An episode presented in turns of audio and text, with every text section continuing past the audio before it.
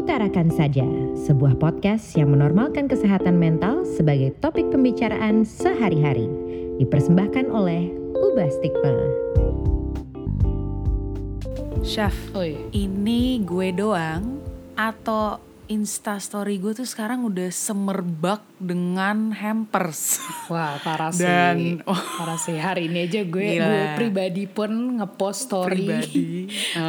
Menerima-nerima hampers dari orang-orang. Iya. Kayaknya nih culture baru nih ngasih-ngasih hampers gini. Iya. Kayaknya tahun lalu gak kayak gini deh seinget Nggak gue. kayak gini, ada apa? Ya, gue bersyukur aja sih sebenarnya. Ya, gue bersyukur aja sih banyak makanan di rumah. Tapi Betul. membludak nih kayaknya hampers-hampers. Apalagi Ada- coba lo ada search hampers lebaran di Instagram tuh isinya semua bisnis merubah ininya ya. Merubah display name-nya Iya, jadi hampers lebaran gitu. Bener banget dengan emoji bulan sabit, ya kan? Betul. Dan bintang, waduh. Dan Lengkap gak deh semua. kerasa sih sebenarnya kurang dari seminggu lagi loh udah lebaran. Kayaknya Iya. baru kemarin kita bahas soal Ramadan dari rumah, melakukan perayaan keagamaan dari rumah, terus tiba-tiba sekarang udah lebaran. I know Damn. man, who would have thought? But selamat welcome Kembali comeback. diutarakan saja dengan gue Esta. Gue Syafira. And yeah, I guess how are we? How are you? One week, not even one week. I'm excited. days. Yeah, I'm excited Yeah. actually. Karena sebentar lagi walaupun Ramadan berakhir, tapi gue penasaran nih sebenarnya lebaran dari rumah tuh kayak apa sih suasananya. Gue pertama kali sih lebaran di Jakarta dan di rumah doang kayaknya nih. Oh, bakal. i- oh iya lo biasanya di Medan ya chef Betul. pulang kampung bener bener bener. I can imagine. Tapi I guess in this period, I don't know, gue gue personally kan emang nggak celebrate Ramadan, tapi emang maksudnya I grew up in, in Indonesia di mana emang suasananya itu tiap kali Lebaran pasti atau pas Ramadan in general lah pasti kerasa sih. Even for me ya as a Catholic I can feel the difference. Dan menurut gue um, dari observasi gue sendiri terutama saat uh, masa-masa covid dan ramadan dan lebaran di rumah ini kok lebih teduh gitu ya chef? Apa gue doang? Kayak maksudnya people are you know you can see from social media hampers pun. Menurut gue itu it's something yang tiba-tiba membludak aja in a good way ya. People are more giving more caring and I just I, just- I love it you know Yeah. especially lagi during this tough time. Setuju banget sih. Sebenarnya I think it's always been like that. Kayak periode Ramadan tuh emang kerasanya lebih apa ya lebih peaceful lebih tenang gitu. Terus mungkin teman-teman di rumah yang belum tahu atau yang mau tahu soal Ramadan singkatnya ini berbagi informasi aja ya gue I'm not an expert in this field or kayak gue Yeah. nggak lebih tahu dari kalian cuman Ramadan itu adalah salah satu ibadahnya umat Islam di mana kita diwajibkan untuk berpuasa 30 hari lamanya atau satu bulan dari terbit matahari hingga tenggelamnya matahari atau dari subuh sampai Wow. maghrib dan sebenarnya nggak cuma nahan haus sama lapar doang nih tak kita juga diwajibkan untuk menahan hawa nafsu Yeah. Nah hawa nafsu di sini tuh bukan cuman kayak kita bicara soal apa nafsu seksual atau apa gitu ya, tapi juga Yeah. eh, emosi-emosi negatif seperti kayak anger atau ada kebencian, kedengkian atau mungkin mungkin lo sering denger kali ya orang kalau pas Ramadan eh jangan gosip, jangan ngomongin orang gitu. Nah itu salah satunya yang harus dihindari selama Ramadan. Bener-bener eh seperti apa ya diberikan 30 hari untuk bener-bener eh, focus on ourselves Yeah. dan develop self control itu sendiri sih sebenarnya kurang lebih begitu. banget cleansing terima kasih loh Allah Iya. atas berkah Terima ini kasih ini berkah loh pada kayak umatmu. lo dikasih Iya. waktu sebulan nih lo detox deh diri lo Iya. dari segala macam toxicity sama aja kayak fisik ya kan kadang kita juga perlu detox juga nih nah pas ramadan dapet tuh dua-duanya lo fisik lo tahan puasa mentally emosi disuruh self control juga gitu Bener banget, setuju banget tuh chef. Ah, nah that's great. Nah, untuk tahu lebih lanjut soal self control and Ramadan and patience and mental health itself and how how Ramadan sebenarnya embrace positivity for our mental health. Kita nggak cuman berdua malam ini recordingnya, kita ditemani oleh salah satu teman baik Ubah Stigma juga nih, udah sering Bener collab bareng. Sini ada Mas Firman Ramdhani. Halo Mas Firman. Halo. Selamat malam. Kedengeran? Selamat malam, kedengeran dong. Kedengeran. Selamat kedengeran malam. Ini malamnya boleh disebut nggak nih jam berapa nih? Oh, Oh, boleh boleh. banget, silakan. Boleh Utarakan banget. saja Utarakan Mas. Firman. Ini Cie. udah jam 11 Dedikasi guys. Terima kasih banyak loh Mas Firman udah meluangkan waktu untuk Iya. berbincang bersama. Justru terima kasih teman-teman Ubah Stigma mau menyesuaikan waktunya nih karena kan gue anak-anak gue eh gue lo ya ngomong apa ya Bebas. Wah, nggak apa-apa banget, bebas banget ini mah. HTNT juga boleh. karena anak-anak gue baru tidur jam 9an jadi baru luang biasanya jam 10 jam 11 gitu Parenting life guys. That parenting life. Waduh, itu Aduh, topik, topik yang, yang, lain ya, Chef. Topik yang lain. dibahas. Belum siap gue menjelma di topik itu. Waduh. Nah, Mas gimana, nih, gimana? sebagai tamu eh, utarakan saja, kita biasanya punya signature perkenalan. Oke. Selain nama, ada juga horoskop. Nah, horoskopnya Mas Firman apa nih? Tahu nggak Sun, Moon, and Rising-nya apa? Sun Moon and Rising apa sih Kalau nggak tahu, ya, Nggak tahu gue. horoskop main-nya aja. oh Setahu Mas Firman eh, aja. horoskop mainnya gue tuh 4 Mei jadi apa eh, Taurus kalau nggak salah Oh, Taurus. Uh. Wah, happy belated birthday Mas Firman. Mas Firman. Udah agak lewat dikit. dan gue lahir di, di bulan Ramadan juga Pas pas banget Ramadan dan isolasi. Iya, ya. Mas ulang tahunnya ulang tahunnya ya Kemarin. gitu aja sih di rumah aja. di rumah aja emang di mana nggak ke mana-mana juga sih semenjak berkeluarga ulang tahun tuh jadi private jadi di rumah sama istri sama anak-anak aja gitu. Nah, Taurus tuh sebenarnya famous untuk yang suka di rumah aja tuh, Iya. sotoy. Oh, gitu ya? Nggak, tapi iya kan. Kebanyakan Gua Taurus baca seperti di- itu ya. Katanya suka emang lebih protektif aja di rumah dan bareng keluarga, suka masak-masak, terus ya eh gitu-gitu. Iya, iya, gitu ya. Iya sih iya sih Jadi ya hopefully you had a great birthday Mas Firman. Nah terlebih dari signature intro juga kita biasanya tuh membudayakan pertanyaan how are you Oke. ke semua orang karena kita merasa eh, gimana ya kalau orang tiap kali kita tanya how are you? pasti kayak ya oke lah atau I'm good. Eh gitu responnya gitu but you know we want to encourage conversation yang lebih dari itu. So I challenge you Mas Firman to answer how are you with more than just good? Oke. Or bad. Gimana tuh Mas How Firman? are you-nya gue ngantuk sih. ngantuk. Udah hari yang panjang ya. Iya, hari yang panjang ngantuk. Oh, kalau tapi mungkin nggak nggak seperti banyakkan orang yang merasa bosen. Gue nggak ada bosen-bosennya kayaknya. Justru malah kayaknya waktu selama work from home ini malah jadi padat banget gitu. Padat banget. Malah kerjaan padat banget. Terus mungkin banyak berapa kali gue bawain seminar orang kesulitan eh, apa namanya ngadepin bosennya ngadepin apa maintain productivity-nya gara-gara akhirnya kejebak sama Netflix gitu ya. Gue gak, gak nyentuh Netflix. Saking padatnya ngurusin everything gitu lah. Jadi ngantuk capek banget gitu ya. Tapi eh, somehow nggak bikin nggak nggak nggak nggak nggak buat gue jadi frustrated gitu lah. Capeknya fun gitu ya Bagus, Iya. bagus sekali. Gitu. Berarti Mas Firman termasuk salah satu orang yang menikmati juga lah ya ini masa-masa seperti ini lebih banyak waktu yang diluangkan untuk bekerja juga. Iya, so far sih iya sih. Even malah gue bilang nggak nggak nggak nggak nggak kerja kerja banget sih ya, karena kan eh, pasien juga berkurang selama bulan Ramadan kan. Selama bulan Ramadan kayak misalnya Oh, waktu itu gue really? ikut di Satgas Covid yang punyanya IPK sama HIMSI eh, buat relawan untuk ini korban Covid. Iya. Itu Oh, hebat. di sebelum puasa banyak, tapi setelah masuk Ramadan turun. Interesting. Ini, ini emang gue sering temuin sih dari setiap tahun gitu ya. Setelah selama bulan Ramadan tuh biasanya load pasien tuh turun karena mungkin eh, apa namanya kebutuhannya difokuskan ke Lebaran atau mungkin memang apa namanya lebih banyak waktu buat ibadah kali? Gue juga gak ngerti deh. Di Indonesia ya utamanya. Hmm, jadi lebih fokus ke kayak Wow. spiritual gitu mungkin ya, Ya, jadi asumsinya. betul load pasien turun terus ngajar sih masih sih ngajar kampus masih tetap iya sih load pasien gue turun. Jadi gue sebenarnya kerjanya juga nggak sibuk-sibuk banget gitu. Malah banyakan main sama bocah-bocah kali. Eh bocah-bocah anak gue maksudnya. Klarifikasi, teman-teman. Iya Hmm, menarik main sama ya. anak gue terus gue bikin konten di Mind and Brain itu aja paling Iya. kerjaan. Kayak kalau bikin konten kan kita kayak kita kan bikin konten kan kayak hobi ya jadi mungkin nggak kayak Iya. kerja kali ya Same. Bener banget. Passion, Tapi I passion. love that. Menarik banget, pas banget ya Chef. Maksudnya eh, tadi Mas Firman sempat mention how uh, lot pasien compared to sebelum Ramadan dan during Ramadan tuh emang statistically aja emang beda ya.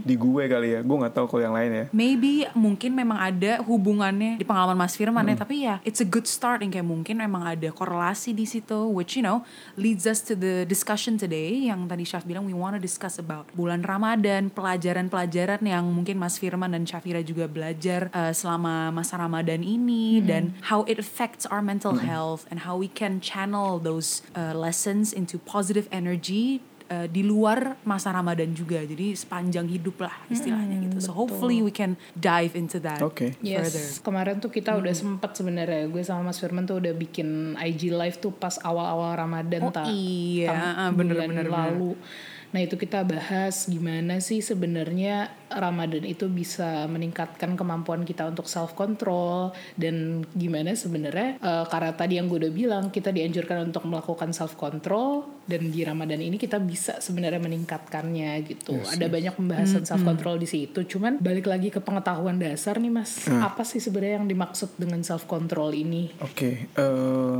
jadi self control itu kan sebenarnya term ilmiahnya ya kita jangan ngomongin terlalu ilmiah ya nanti puyeng kan. Intinya lo intinya lo punya kapabilitas kemampuan buat mengontrol reaksi emosi lo itu kali ya. Plus gimana lo bisa eh, berespon dari situasi emosional lo.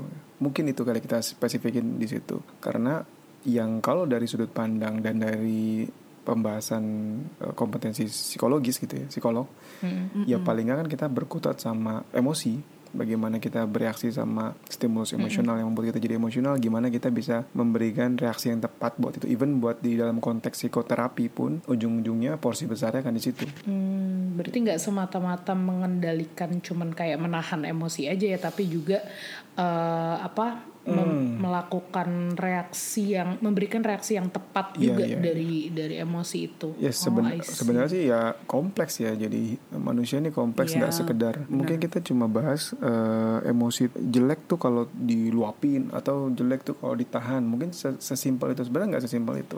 Jadi emang jauh lebih kompleks. Nanti mungkin kita pelan-pelan kita preteli kali ya. Setuju, setuju. Gimana gimana? Bener banget sih. I agree on how I guess that's the apa ya? Mungkin salah satu komponen yang sering dilupakan at least dari observasi gue yang dilupakan karena ya mungkin gue bisa bikin paralel juga ke uh, praktisi agama gue di Katolik tuh juga sebenarnya ada semacam puasa gitu kalau sebelum Paskah tapi dan kalau sebelum Paskah itu tuh juga mirip lah kita nggak diwajibkan untuk uh, puasa seperti umat Islam yang benar-benar uh, nggak makan dan minum dari sunrise to sunset tapi eh sunrise Ya, iya, eh, sun- iya bener Sunrise to sunset, bener. tapi kita lebih ke ini uh, ke aspek self controlnya tuh Syaf. Jadi apa pun yang sebenarnya uh, we enjoy yang kayak vice, our vices gitu. Misalnya kalau kita- kalau gue tuh suka banget di Instagram. Nah, itu dianjurkan oleh gereja tuh itu malah justru yang harus dipuasain gitu. That self control has to be practiced. And I think itu cocok juga dengan bulan Ramadan ini and how we can implement. And apa it's interesting that it's just it's beyond just a human trait but it's a process on its own. Yep. kan itu emang perlu ada niat lah. You know there's you need that will to do it. Gue mau nanya lagi ke Mas Firan like why do you think it's important to practice praktisnya sendiri praktisnya sendiri self control beyond Ramadan itself? And how can we do that? How can we practice Oke. and have the will to you know control ourselves and how Iya, that iya. impacts our mental health?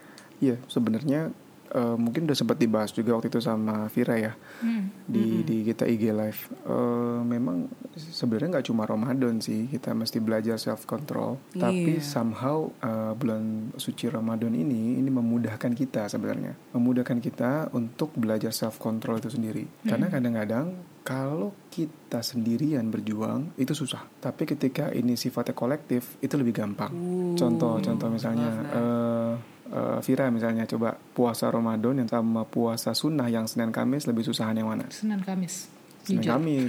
Karena kita cuma puasa sendiri. Iya, benar. yang lain tuh nggak ada yang puasa gitu. Ya ada sih mungkin tapi kan nggak kelihatan dan mungkin nggak bukan circle kita juga gitu. Mm. Nah eh, artinya apa? Kalau misalnya gue pernah pakai analogi ini ketika di panti rehab, eh, bukan panti rehab kasus kasus drugs yang banyak kan orang tua yang nanya, mas kalau gue pindahin, eh sorry, kan orang tua nggak pakai gue ya. Kalau saya mau pindahin anak saya nih mas, lingkungannya soalnya jelek banget nih mas. Dia perlu dapat lingkungan yang baik gitu ya. Itu eh, itu efek efeknya gimana? Bagus nggak? Ya gue bilang bagus. Kalau memungkinkan gitu, dapat lingkungan yang lebih baik gitu. Kenapa? Karena ya analoginya kayak puasa. Ketika dia dapat lingkungan yang baik, yang let's say nggak ada yang pakai drugs, yang saling suportif gitu misalnya. eh ketika dia mulai goyah gitu ya, ada yang ngingetin. Gitu ya. Apalagi sama-sama rata-rata gitu kalau keluar dari rehab, terus mereka eh, ininya bagus bondingnya, mereka bikin circle lagi di luar nanti di luar rehab itu. Mereka ketemu lagi, ketemu bareng lagi, eh, main bareng lagi, terus saling support misalnya lagi ada yang uh, mulai uh, apa namanya goyah gitu ya yang lain uh, nopang gitu ya di di support didorong supaya tetap sober tetap uh, apa namanya nggak relapse lagi gitu. Nah ketika dapat circle lagi itu kan lebih mudah ya berubah ya ya nggak?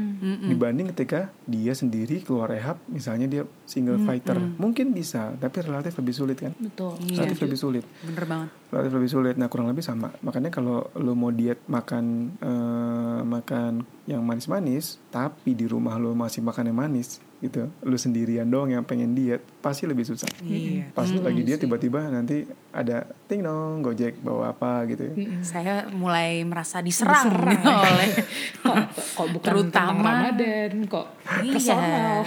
Kok tadinya dari pasien rehab jadi ke diet dan Iya. gojek itu kok saya merasa terpanggil gitu ya. Iya makanya Tapi bener Ramadan sih, ini kan banget, Ramadan banget. karena ini kolektif dan eh, ya wajib diwajibkan dalam agama jadinya kan umat Islam nih kiri kanan kita kalau kita sama muslim itu semuanya pasti puasa pasti puasa ataupun kalau enggak dia akan menunjukkan dia puasa ya enggak Iya. nah akhirnya even yang non muslim juga pun kadang-kadang ikut puasa juga Iya. karena pengen menghargai kan gitu. Akhirnya lebih mudah buat kita belajar self control. Nanti ada yang ngingetin tuh. Misalnya viral lagi ngomongin, eh tahu nggak sih si oh, tetangga kita tuh gini, eh lu lagi puasa lu jangan ngomongin orang lo gitu. Akhirnya ada yang ngingetin. Nanti nanti nggak berkah lu misalnya. Meskipun kalau zaman waktu SD agak-agak kacau ya ngingetinnya. Lu waktu SD misalnya lagi nelan ludah, eh jangan nelan ludah ntar batal puasa lu. Gimana ya? Iya katanya katanya sempet kenapa berenang tuh batal Iya, puasanya karena airnya tuh gimana masuk ya? ke badan. Eh, gitu loh terus ya namanya anak bocah ya. Ya sebenarnya kalau ditarik mundur sedikit sebenarnya ini balik ke diskusi ini sih tak the importance of support system sebenarnya balik Yeah, lagi sih masuknya ke situ. Gimana akhirnya kayak saling dukung, memiliki komunitas itu juga sebenarnya membantu untuk kita bisa uh, meningkatkan si self control ini ya berarti Mas Yeah. Firman ya. Ya, memudahkan lah, memudahkan. Agreed, agreed. Suka banget poin itu. I never, uh, maksudnya aku nggak pernah ngelihat apa konsep puasa mau dalam agama apa pun atau khususnya di bulan Ramadan tuh in that perspective ya bahwa emang that support system mungkin kita nggak merasa secara langsung tapi ya kan kita mau bukber lah terus Yeah. ada uh, teraweh pun kan itu bareng-bareng, right? So I think that really Betul. without us realizing it really helps with puasa and self control and that sense of community dan kolektivitas gitu loh during Yes, this period. So I love that, love that uh, Mas Firman brought that point up.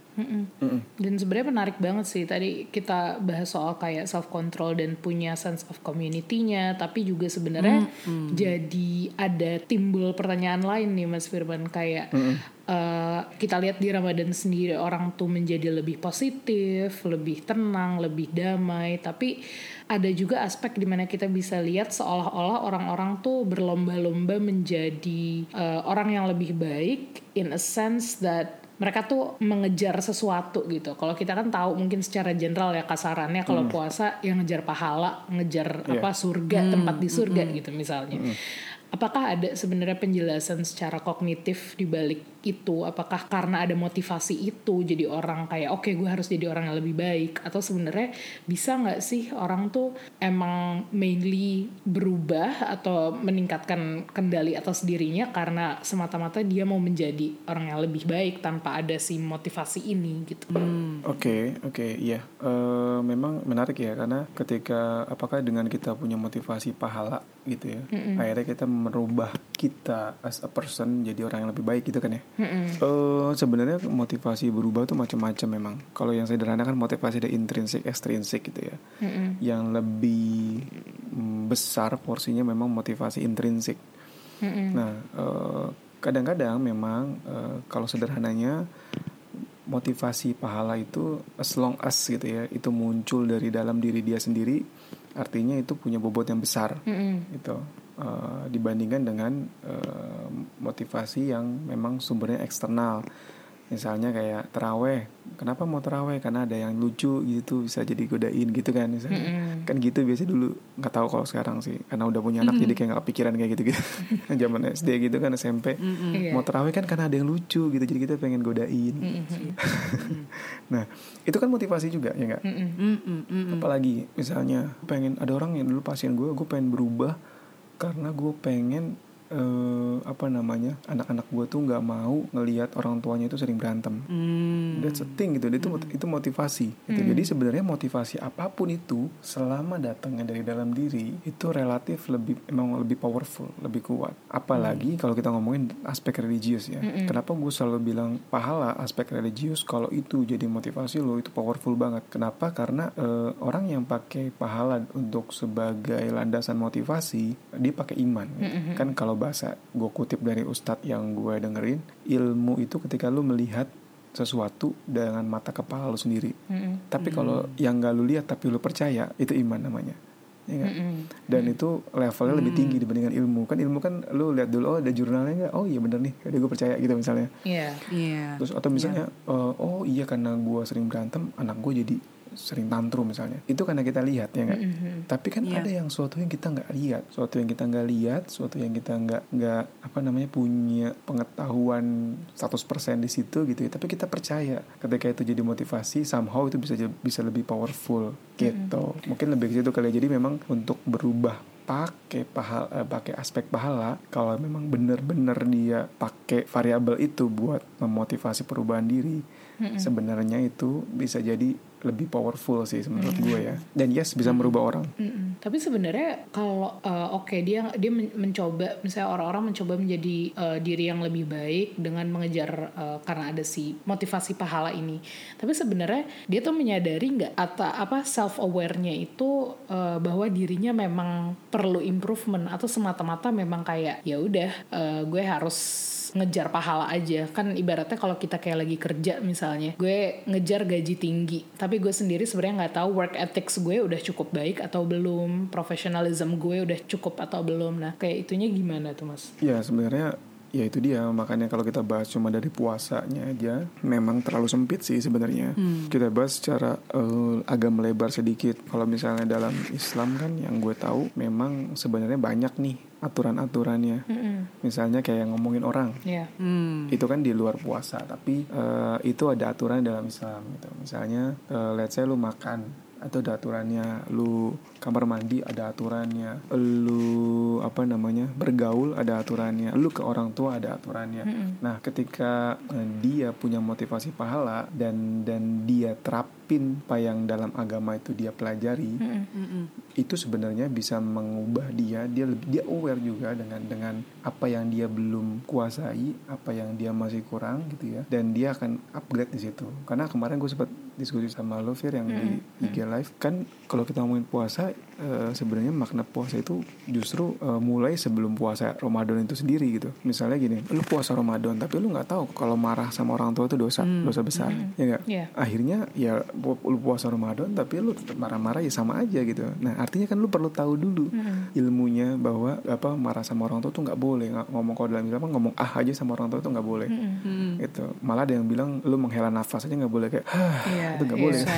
Iya nggak boleh. Katanya. Jadi bener-bener lu belajar terus kayak misalnya gibah tuh nggak boleh ngomongin orang. Dan itu kan lu pelajari sebelum Ramadan. Jadi pas Ramadan lu jadikan itu kayak oh nggak boleh nih. Nanti pahala gue kurang nih. Oh ini nggak boleh nih. Gitu. Terus misalnya lu belajar kalau misalnya ngelihat gambar-gambar yang nggak bener yang kebuka gitu ya itu zina mata misalnya.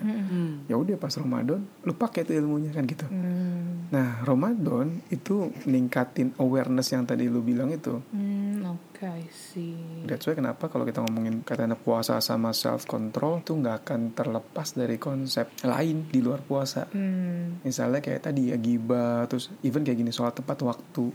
Terus kita selalu belajar kalau sholat itu kan eh, melatih kedisiplinan katanya kan lima kali sehari azan lu gerak. Nah ketika lagi puasa kan itu lebih lebih dorongan tuh lebih kuat karena tadi ya eh, tiba-tiba ada ajakan dari teman-teman rame-rame gitu ya. Itu memudahkan kita sebenarnya hmm, gitu ya. Jadi kalau misalnya lu bilang "Bi- itu bisa nggak sih buat orang tetap jadi aware? Bisa bisa banget. Asal dia belajar juga. Jadi nggak cuma pahala doang pahala doang. Enggak tapi dia masih belajar juga do and don'ts-nya memang dalam berbagai konsep ya. Misalnya dari ya, gimana dia berinteraksi sama orang tua sama temennya sama keluarganya sama pasangannya sama anaknya. Itu kan kalau dalam Islam setahu gue hampir semuanya ada do and don'ts-nya. Hmm, betul. Gitu. Jadi kita tinggal ibaratnya moles itu pas bulan ini gitu. Ibarat kayak ini ya sebenarnya kayak sekolah ya setahun belajar terus sebetulnya nih ujian praktek gitu Iya. disuruh terapin deh tuh semua yang udah Iya. dipelajarin selama setahun Ujian praktek. Jangan praktek tuh sampai rame lagi kan jadi jadi lebih gampang ngejar gitu. semua tuh nilainya tinggi tinggian Mm-mm. kurang lebih gitu kali ya Iya, ya. Sih. Gue sendiri belum pernah terekspos sih dengan perspektif seperti ini. Soalnya dari dulu kan cuman taunya ya udah pas Ramadan berlomba-lomba aja tuh ngejar pahala menjadi maksudnya konsep menjadi orang lebih baik tuh in a sense untuk eh, ngeriset karena kan katanya eh, pas eh, jadi ada periode tak di Ramadan itu namanya eh, Lailatul Qadar itu katanya nanti pahalanya akan berkali-kali lipat dan bisa kayak lo di detox gitu tak jadi orang yang baru lahir kayak belum ada dosa Iya. gitu. Kayak gitu. Jadi dari dulu sih yang gue pribadi terekspos tuh kayak ya orang ngejar kayak gitu untuk di tanda kutip dilahirkan menjadi orang yang baru gitu. Tapi nggak ada perspektif kayak apa yang selama ini kita pelajarin sebenarnya kita bisa terapkan secara in depth throughout Ramadan ini especially gitu. Betul. Tuh kalau kata guru gue Hmm. kemarin eh, Pak Ustadz bilang gini Lailatul Qadar tuh nggak semuanya dapat ya Hmm. meskipun eh, meskipun lu beribadah di malam itu belum tentu dapat hmm. karena emang nggak dikasih tahu siapa yang dapat siapa yang enggak jadi buat kita berjuang terus kan gitu kan Hmm. terus nggak dikasih tahu malam keberapa supaya lu tetap nggak nggak nggak ngelonggarin cuma dikasih tahu 10 malam terakhir gitu kan Hmm. nah, katanya itu dari lebih dari seribu malam kan Iya. eh seribu malam Iya benar. seribu seribu malam Bener bener. Gue oh, iya, bener, oh iya. Sama dengan ibadah. Pahalanya Iya, sama dengan Seribu- lo ibadah seribu ibadah malam seribu tak. malam. Yang artinya di, di udah pasti beyond umur lu deh sampai lu meninggal gitu. Nah terus eh, kata ustadznya gini keren menurut gue nih analoginya. Orang yang dapat Lailatul Qadar itu nggak mungkin besoknya habis ibadah terus malas-malesan. Hmm. karena ibaratnya ini kan eh, kayak special points gitu ya. Lu ibadah seribu malam men dapat bonusnya. Tapi abis lu malam malam misal let's say ini malam 29 katakan malam ganjil ya. Malam ganjil. Jadi let's say malam ini terus lu jor-joran ibadah misalnya. Terus besoknya malam ke-30 lu leha-leha. Itu bukan ciri-ciri orang yang dapat bonus itu katanya. Gitu. Jadi maks- maksudnya Pak Ustadz gue nangkepnya gini. Ya kalau lu mau dapat itu jauh sebelum 10 malam terakhir lu udah latihan. Lu udah latihan lu udah mulai kurangin tidur lu untuk beribadah. Dan artinya step back lagi jauh sebelum Ramadan mulai lu udah mulai sering ngaji. Coba lu porsir ngaji semalam pasti nggak enak rasanya. Iya. lu nggak akan enjoy. Heeh. tapi Iya. ketika lu lu latih misalnya setiap malam baca sekian halaman sekian hal pelan-pelan gitu ya. Nanti lah pas lagi malam Lailatul Qadar ini ya di 10 malam terakhir itu somehow lu bisa enjoy. Iya. Gak, nggak semua orang tuh bisa nggak semua orang tuh nangkap esensi emang enak ya ibadah malam-malam lu nggak tidur gitu ya. Tapi buat para mereka yang hmm, apa ya mungkin uh, ustadz atau mungkin yang memang alim gitu ya itu enjoy banget gitu.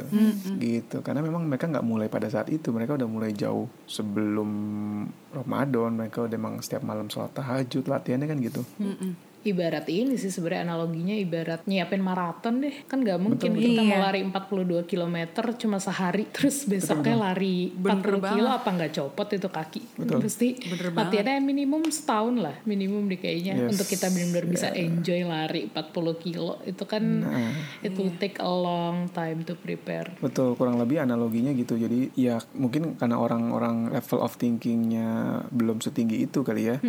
Jadi dia terfokusnya pada pahalanya, pahala, ini pahalanya besar gitu-gitu. Padahal untuk dapat pahala itu kan lu mesti ada proses yang tadi kita udah bahas. Gitu itu kali. dia tuh guys suka I really appreciate that sih Mas Firman that point dari gurunya Mas Firman juga terima kasih Pak Guru Mas Firman I think that's the essence yang Iya. dari da- bukan cuma Ramadan ya tadi aja yang Syaf bilang dari analogi maraton but I feel like that is applicable di semua hal sih bahwa Betul. it's hard work you know And it's emang all harus about the process, kan? it's all about the process truly truly itulah hikmahnya adalah dalam proses gila Kan hidup kan sebenarnya gimana lo bisa enjoy the process kan gitu Yeah. kan. Nah, setuju. exactly Hasilnya tuh cuman hadiahnya aja. Heeh, Betul, bonus hasilnya hadiahnya aja. Cek, kok kita sudah menjadi Nih, podcast. Malam-malam jadi malam-malam jadi ini ya. Mata sayup-sayup tapi kok pikiran kok baru nyala. Pikiran kok, nah kan Jadi podcast religi gak sih? But I don't think this is Spiritual, ini spiritual. Wah, betul. We're going inside. Ya kan kita nggak bisa keluar, kita ke dalam dulu. Kita ke dalam, apa-apa. Kan mengetahui segmen ini, kan Iya, sama-sama kita belajar. mengetahui. Gue aja belajar banyak dari sini guys. Sebagai apa? Kan I'm the only Catholic here. Gue belajar banyak dari apa pelajaran-pelajaran dari bulan Ramadan dan esensi di balik puasa dan apa self control and how it's more than just ya lo nggak makan dan minum. It's everything. The process of it, how you put in the work to your faith and you know into self control and developing a positivity as a community. Itu sih yang I really really appreciate Yep. dan I think relevant banget buat apa rana kita ya Mas Firman maksudnya dalam apa sih komunitas kesehatan mental pun.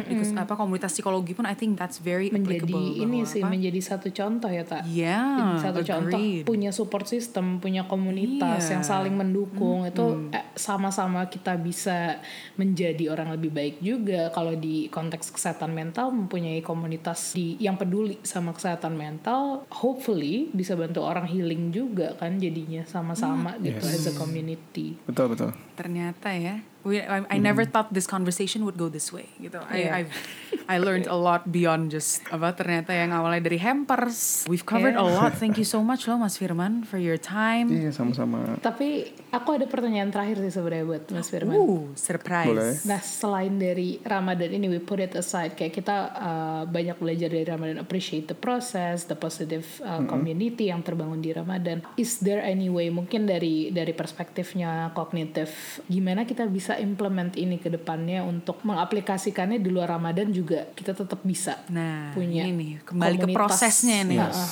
proses Oke, apa oke, yang kita harus go through secara individu, secara komunitas. Iya betul. Jadi kalau misalnya tadi kan pertanyaan lu benar banget tuh dari secara kognitif.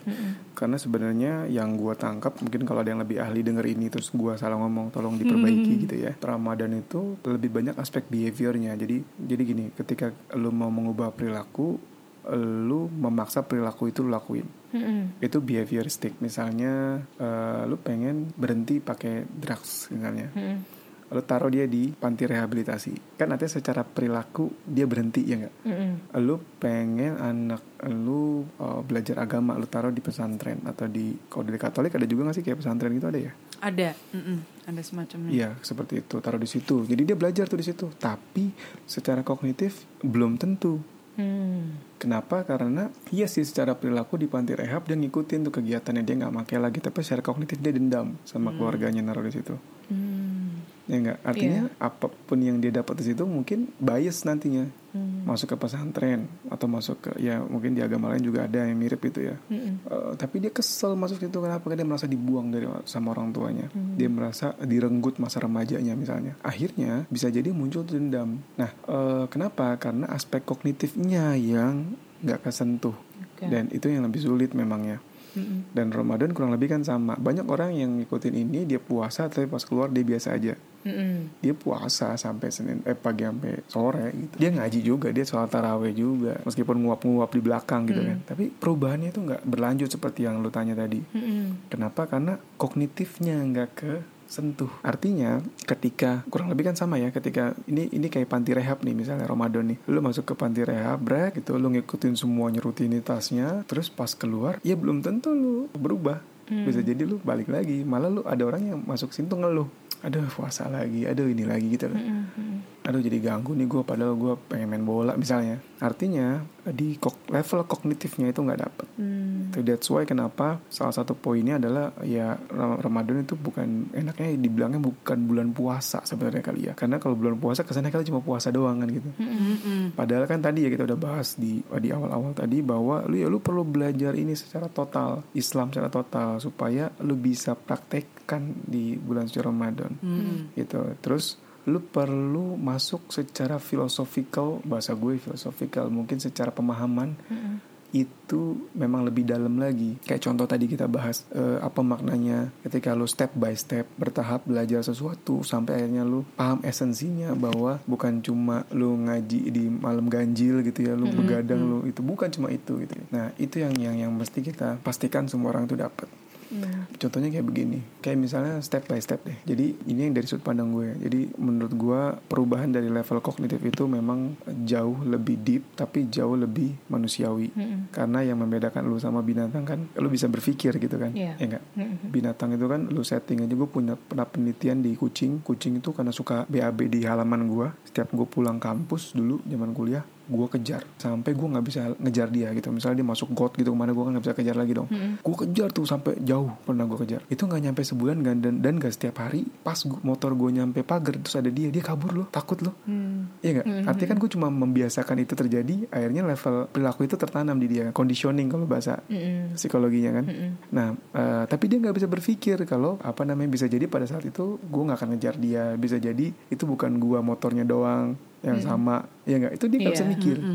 Itu yang gue bilang kita butuh masuk ke level itu nantinya. Perubahan itu paling utama adalah di level kognitif nantinya. Termasuk juga dalam dalam proses eh, perubahan menjadi yang lebih baik. Nah mungkin sederhananya aja kita kalau dalam konteks puasa ya nggak cuma masalah nggak makan dan nggak minumnya tapi eh, lu juga belajar dari tadi ya value-value Islam yang lainnya supaya di level kognitifnya lu kena. Lu lu dapat juga itu. Misalnya misalnya nih ya contohnya. Coba tanya sama teman-teman yang muslim kenapa kita nggak boleh marah sama orang tua? Padahal dia orang tua kita nyebelin. Itu kan kognitif banget ya? Nanti pak ustadz yang bisa jelasin misalnya. Karena ada ayat Quran misalnya ngomong kalau eh, diwajibkan kita sholat lalu berbakti sama orang tua orang tua setelah sholat. Tuh artinya itu penting banget. Terus eh, pertama coba kamu sama istri kamu eh, kamu punya istri punya suami itu milih apa dipilih? Ya saya milih gitu ya. Nah kamu lahir sama orang tua dipilih apa milih sendiri orang tuanya? Ya enggak. Kira-kira Enggak, yang milih iya. yang milihin siapa Allah yang maha kuasa gitu misalnya. Terus kira-kira kalau udah dipilih ini, terus kita marahin, kita nggak suka gitu ya. Kira-kira yang ngasih sebel nggak? Di sebelah. Bisa jadi sebel gitu. Nah itu kan level of kognitif ya nggak? Heeh. Nah itu yang gue bilang Oh. lebih deep dan lebih manusia banget gitu. loh. Mm. Jadi sebenarnya kuncinya di pemahamannya ya, pemahaman secara Betul. holistik from end to end-nya itu yang Betul, yang karena bisa kalau misalnya, iya misalnya kayak gini, kenapa gue mesti puasa? Kenapa gue mesti nahan lapar gitu? Karena, iya ini mungkin nanti Pak Ustadz yang lebih ahli ya. Karena dulu ada step-stepnya. Dulu kan Islam kan ada ada sejarah tentang jihad ya, tentang perang. Eh, kita nggak perlu dalam ke situ, tapi buat orang perang dulu itu nggak nggak langsung, oke besok kita perang. Enggak, step by step. Pertamanya, eh, lu disuruh kalau nggak salah tuh sholat malam dulu. Kan buat sebagian orang kan nggak enak ya, lu lagi tidur lu bangun, itu nggak enak. Terus lu nggak tidur lagi itu nggak enak. Terus habis itu disuruh puasa, lu nggak makan. Terus lu habis itu disuruh infak sedekah. Sampai akhirnya ujung-ujungnya mau nggak lu perang mengorbankan nyawa? Karena kalau enggak nanti tiba-tiba lu suruh korbanin nyawa nanti lu di perang lu ngantuk lu ngeluh. Aduh ngantuk banget nih gue nih. Gitu. Terus elunya lapar. Ini nggak ada rendang apa ya gitu. Iya, bener banget. artinya eh, that's a, eh, layernya lebih dalam. Kayak ini sebenarnya apa eh, film Karate Kid yang Jaden Smith. Udah pada nonton belum sih? Yang disuruh dong. disuruh iniin jaketnya. Jatuh itu kan dia sama sekali nggak tahu kan meaningnya apa. Makanya Iya. dia marah-marah kesel banget sama si Jackie Chan. Kok gue disuruh ini iniin jaket padahal gue mau belajar kungfu dia bilang gitu kan. Gue selalu pakai itu quotesnya tuh. Dia iseng kan dia Ternyata, ambil oh, jaket kan ternyata it's ternyata. actually a kungfu betul. ini kalau Ya, kan. kata man. kalau kata Jackie Chan kan wuji bifan Uji too much Bifan. will kill Oh you. iya, iya. Iya, gue masih inget tuh film itu. Chaudhry Uji Bifan. Gitu. Tapi benar, maksudnya ketika lu cuma ngelakuin itu tanpa lu tahu maknanya di balik itu, ya enggak. Mm-mm. Artinya ya lu sekedar behavioral things di dalam psikologi, ya lu ngelakuin aja. Tapi ketika kita naik levelnya ke kognitif, bukan berarti nggak boleh behavioral things. Nah, itu Iya. eh, practice, simple, dan it- itu langkah awal sebenarnya. Mm-mm. Tapi tetap level of kognitifnya itu mesti kena Iya. kognitif kitanya Iya. gitu dan itu yang membuat berubah itu jauh lebih menyenangkan berubah itu jauh lebih ada pros ada progresnya lalu bisa bisa tahu mana yang lu kurang mana ini. Lu bisa nikmatin itulah. Iya, setuju Iya, banget setuju sih. banget. Sama aja sih kayak mengubah stigma terhadap Iya, kesehatan man. mental nih. Sama. Orang harus ngerti dulu kesehatan mental tuh apa, kenapa penting. betul edukasi And dulu apa the process again kembali ke prosesnya it's different for everyone. Maksudnya kalian harus cari kognitif, maksudnya sentuhan kognitif untuk Lef- kalian tuh iya. apa? Pasti berbeda. Betul, Pemahaman makanya kognitif. ini kan sebenarnya perubahan itu kan a learning journey Yes, Iya. menurut gue betul dan setiap orang learning journey-nya tuh beda-beda ada yang ketemu ustadz sekali langsung klik oh bener nih ustadz Iya. ini. Wah make sense banget nih. Ada yang aku nggak suka eh, nyari lagi yang lain gitu ya. Jadi bener-bener is a learning journey. Dan sama kayak misalnya eh, kan ubah stigma sering ada acara yang rame apa pesertanya banyak gitu ya. Lalu ngejelasin sesuatu learning journey pendengar lu beda-beda. Ada yang Iya. langsung klik Iya. ada yang butuh mm, ngawang-ngawang dulu gitu. Ada yang butuh berkali-kali baru ngeh kalau bedanya depresi sama malas tuh ada bedanya misalnya.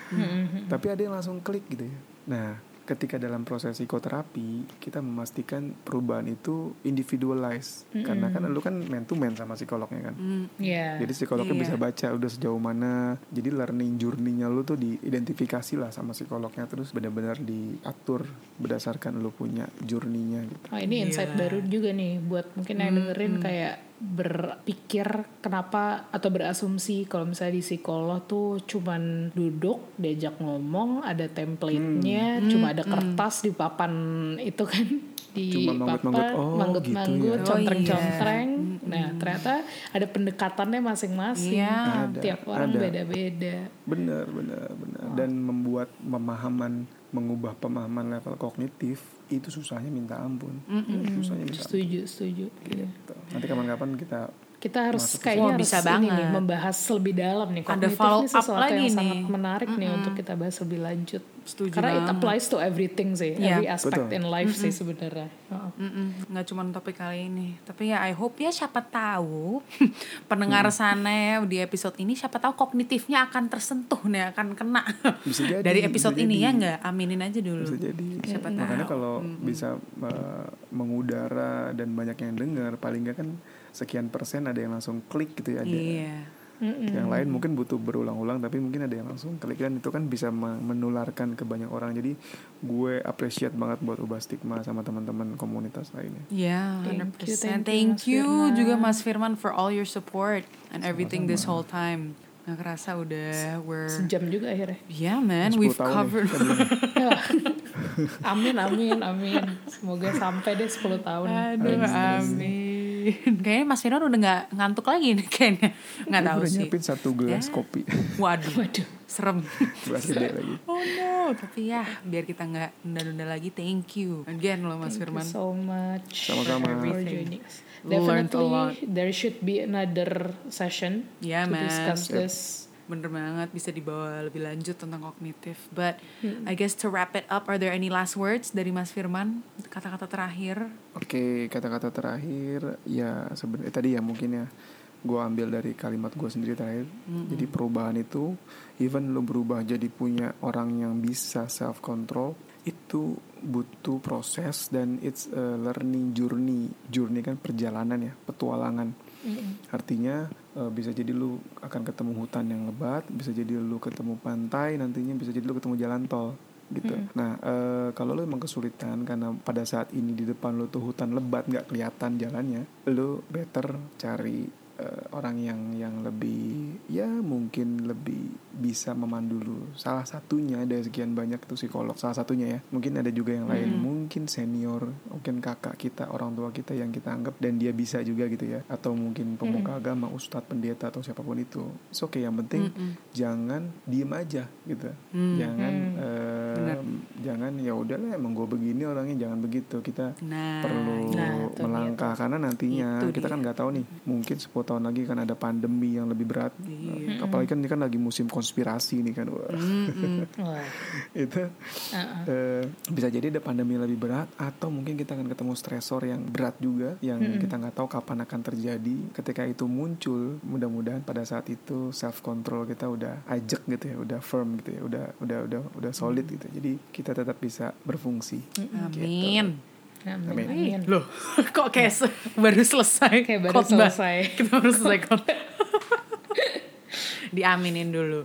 Diaminin dulu setuju banget sih, setuju banget. Once again, thank you so much Yup. Mas Firman for your time. Sama-sama. Any last words from Shaf? Ah, dari gue nggak ada sih tadi sudah disampaikan seluruhnya sama Mas Firman. Pokoknya semoga kita semua bisa menjadi orang yang lebih baik dari level kognitif ya, nggak cuman dari perilaku aja, tapi benar-benar memahami esensi kenapa kita harus berubah, kenapa kita harus menjadi orang yang lebih baik gitu sih. That's all, folks. Thank you for listening to this Thank for episode of. Mengetahui with uh, Mas Firman dari Personality Development Center. Mainin brand dong sebutin. Oh iya. Oh iya, channel Main Brain. YouTube, channel YouTube, ada channel YouTube. Banget, ada channel YouTube-nya. Ada Mainin channel YouTube, Brain. ada Instagram juga ada mainanbrain.id. Ada kita lagi mau buat ini e-magazine. Ooh, mantap. Fun. Ayo Gitu ya. guys, dicek, follow dicek. guys, check it out. We'll mention it nanti pas kita post di Instagram juga. And once again, thank you for listening and we'll see you in the next episode.